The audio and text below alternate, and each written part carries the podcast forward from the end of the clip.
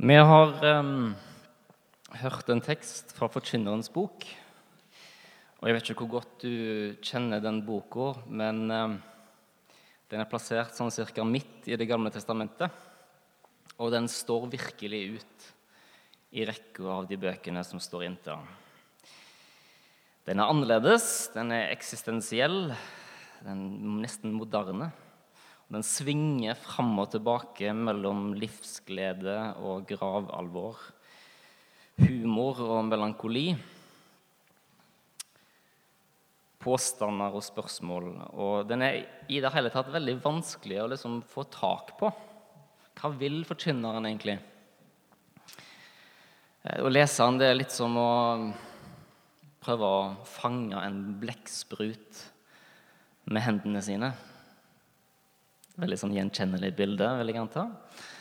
Eh, hvor du liksom prøver å få fatt på alle tentaklene, og du tenker at nå, nå har jeg skjønt boka. Og så så er det en tentakel som vinker til deg fra lufta, for du har ikke fått helt kontroll på den. Man får ikke tak på den. Og det syns jeg er litt sånn befriende med den boka, fordi da utgjør han egentlig et veldig godt bilde på livet sjøl. Det er komplekst. Og komplekst er òg begjæret, som er tema for denne talen. Og Det er mulig dere nå ser fram til en tale om sex. Eventuelt gruer dere til en tale om sex. Eh, og det er jo ikke skivebom at det har noe med det å gjøre. Men begjæret er mye større enn som så. Det handler om mye mer enn det. Og jeg syns at begjær har et ufortjent dårlig rykte. Det, blir ofte, det har ofte blitt tegna ganske negativt. Det er noe farlig, noe vi må passe oss for. Men jeg har lyst til å reinvaske begjæret. Fordi begjæret i seg sjøl er ikke negativt. Det er først og fremst dypt menneskelig, og vi kan ikke unnvære det. Vi er alle sammen født med en sånn sult etter livsfylde, etter å kjenne at vi er levende til stede i livet. Det er liksom vårt drivstoff, det er det som får oss opp om morgenen. Det er det som får oss til å ville kjempe for en bedre verden. Det er det som får oss til å elske. Det er det som driver oss mot Gud. Og jeg vil påstå det er det som driver Gud mot oss. Men de største og vakreste tingene i livet, det kaster òg de lengste skyggene. Og kanskje var det en skygge der i begynnelsen på Bibelens første sider i denne mytiske fortellingen utenfor tid og rom om Edens hage. Et paradis som sakte, men sikkert trer frem og myldrer over av liv og glede og skjønnhet, men samtidig en skygge. Noe mangler. Det er noe som ennå ikke har blitt til. Og så møter vi en usynlig skikkelse. Midt i hagen så står han der, en urolig og lengtende Gud, som bøyer seg ned, former jord i hendene sine og former en livløs kropp. Og så skjer det. Gud blåser sin ånd inn i den livløse kroppen, og så blir han levende. Mennesket reiser seg opp, bærer av Guds bilde. Og kanskje er det her det skjer. Fra nå av så bærer vi det i oss, og med oss for alltid, en sånn lengsel etter liv. Men vi mennesker, vi kan ikke skape liv. Vi kan bare motta liv. Pusten som du puster med akkurat nå, som får brystet ditt til å gå opp og ned. Det er ikke din pust. Det er Guds pust som går i deg. Vi er skapt. Derfor kan vi bare kjenne oss sjøl på dypet i relasjonen til vår skaper og til hverandre. Vi er mennesker, og derfor er vi forgjengelige og sårbare og begrensa og dødelige. Og vi vet at vi skal dø, men likevel så bærer vi denne lengselen i oss etter evighet. Vi vil beholde vår livspust. Og det er liksom dilemmaet vårt. Og når tragedien i Edens hage var et faktum, så lukker paradis seg. Og så står det at når Adam og Eva drar ut derifra, så slår de seg ned i landet Nodd, som betyr rastløshetens og uroens land. Men her lever vi jo på en måte alle sammen, sant?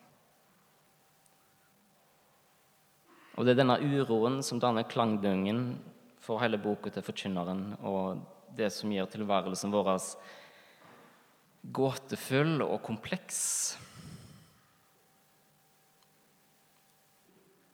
Men det er ikke noe feil med denne uroen. Den er ikke syndig.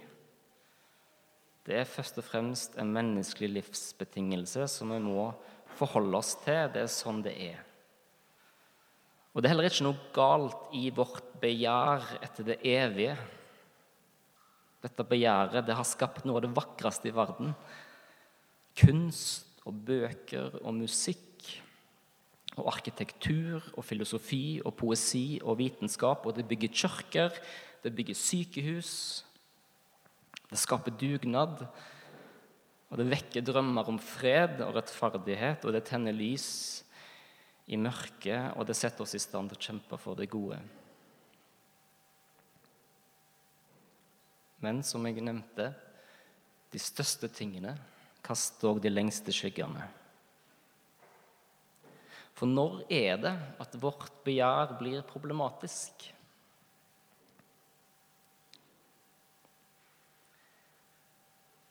Jeg tror det er at når vi ser vår sårbarhet og våre begrensninger og vår avhengighet, ikke som en velsignelse, men som en forbannelse. Fordi da har begjæret vårt en tendens til å ville rive seg løs fra alle grenser. Og så skaper det et sånt gudskompleks i oss. Vi blir vår egen løsning. Og det som skjer, er at relasjoner slites i stykker. Og vi går oss vill, og vi drukner i avguder. Og dette er jo tragedien og på en måte ironien i det grenseløse begjæret. For vi tror at det skal gjøre oss frie, men så fanger det oss. Og det er som om vårt nei til Gud rammer hele vår evne til å si nei. For vi jobber jo aldri nok. Vi er aldri pene nok.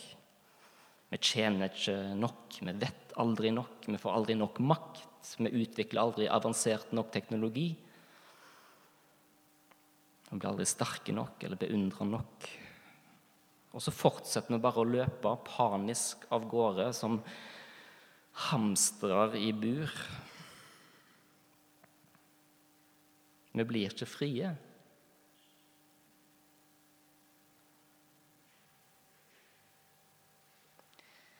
En som heter Jared Hughes, han skrev en gang en sånn anekdote om en mann som kommer til himmelen, og så spør Gud han So, did you enjoy my creation?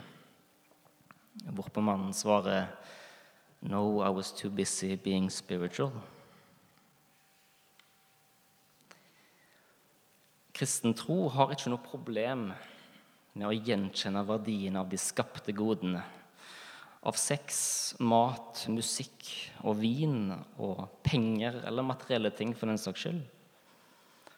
Og Det er en dyp sannhet at verden er skapt for gleden. Den er skapt for å nytes. Problemet oppstår når vi gir godene om til guder, og vi sentrerer vårt liv rundt de, når 'something becomes everything', og når vi tror at det finnes, at det finnes frelse i sex og mat og kropp og skjønnhet og kunnskap og makt og bekreftelser og status og når vi gjør oss avhengig av disse tingene og tror at de kan frelse oss ut av rastløshetens og uroens land, mens i realiteten så fester vi jo bare enda dypere røtter der.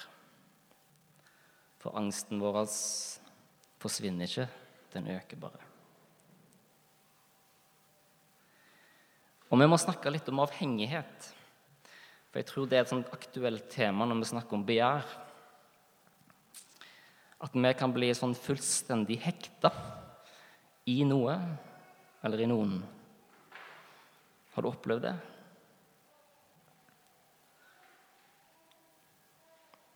Og Vi tror kanskje at det gjelder bare noen mennesker, det er bare noen som blir avhengige, men jeg tror at alkoholikeren som ligger og sover ut rusen sin på en benk, eller den narkomane som står med knekk i beina på hjørnet, det er egentlig bare en ekstremversjon av det som foregår inni oss alle sammen. At vi binder oss til ting, til relasjoner, til mennesker, til handlinger, til ideer osv. Vi vil eie, og vi vil bli eid. Jeg vet ikke om du har sett den der, eh, husker filmen 'Trainspotting'.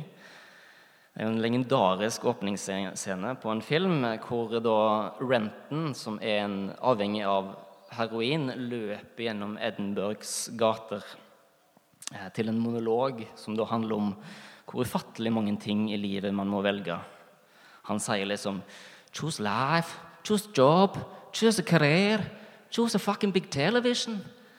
Og så videre. da, og Lista fortsetter, eh, hvorpå Renten avslutter med å si Men hvorfor skal jeg velge alt dette her? Jeg velger å ikke velge. Hva er grunnen til det? Ja, det fins ingen grunner. Hvem trenger grunner når du har heroin?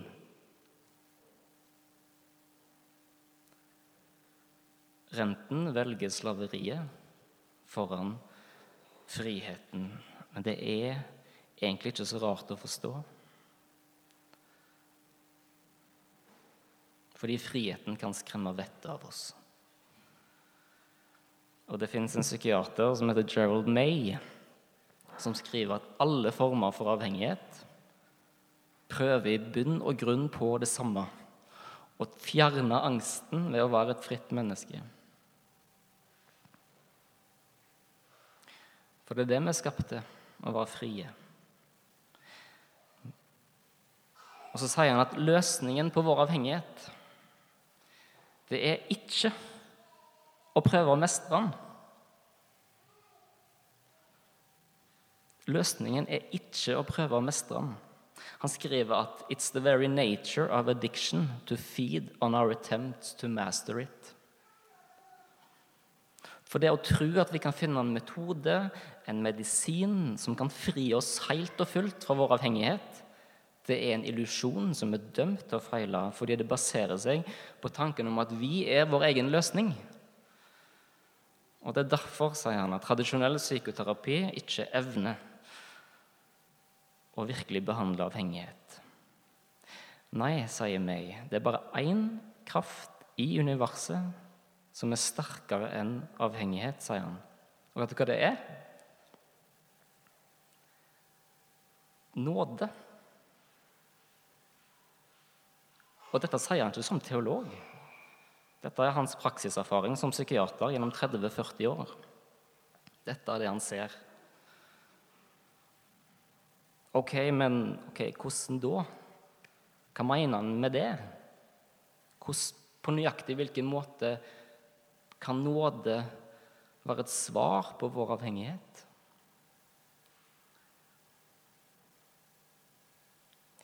Jo, det hadde det jo vært veldig fint å fått et utfyllende svar på, hadde det ikke det?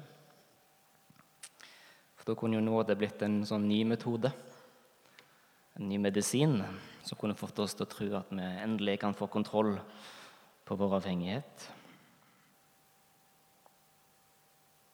May har mye å si om nåde, men han, til syvende og sist så sier han at han kan ikke forklare den. Han kan ikke forklare nåde, fordi det er en kraft som man ikke kan få has på. Vi kan søke den, vi kan forsøke å være åpen for den, men vi kan aldri eie den eller kontrollere den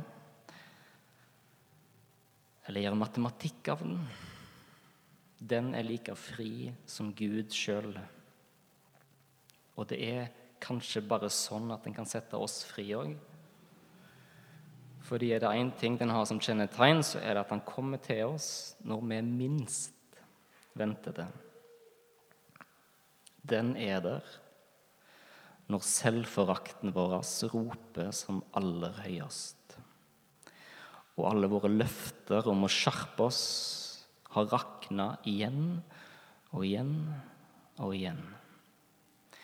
Den er der når vår selvrespekt er så liten som en flis. Den er der når jeg føler meg helt splitta i to.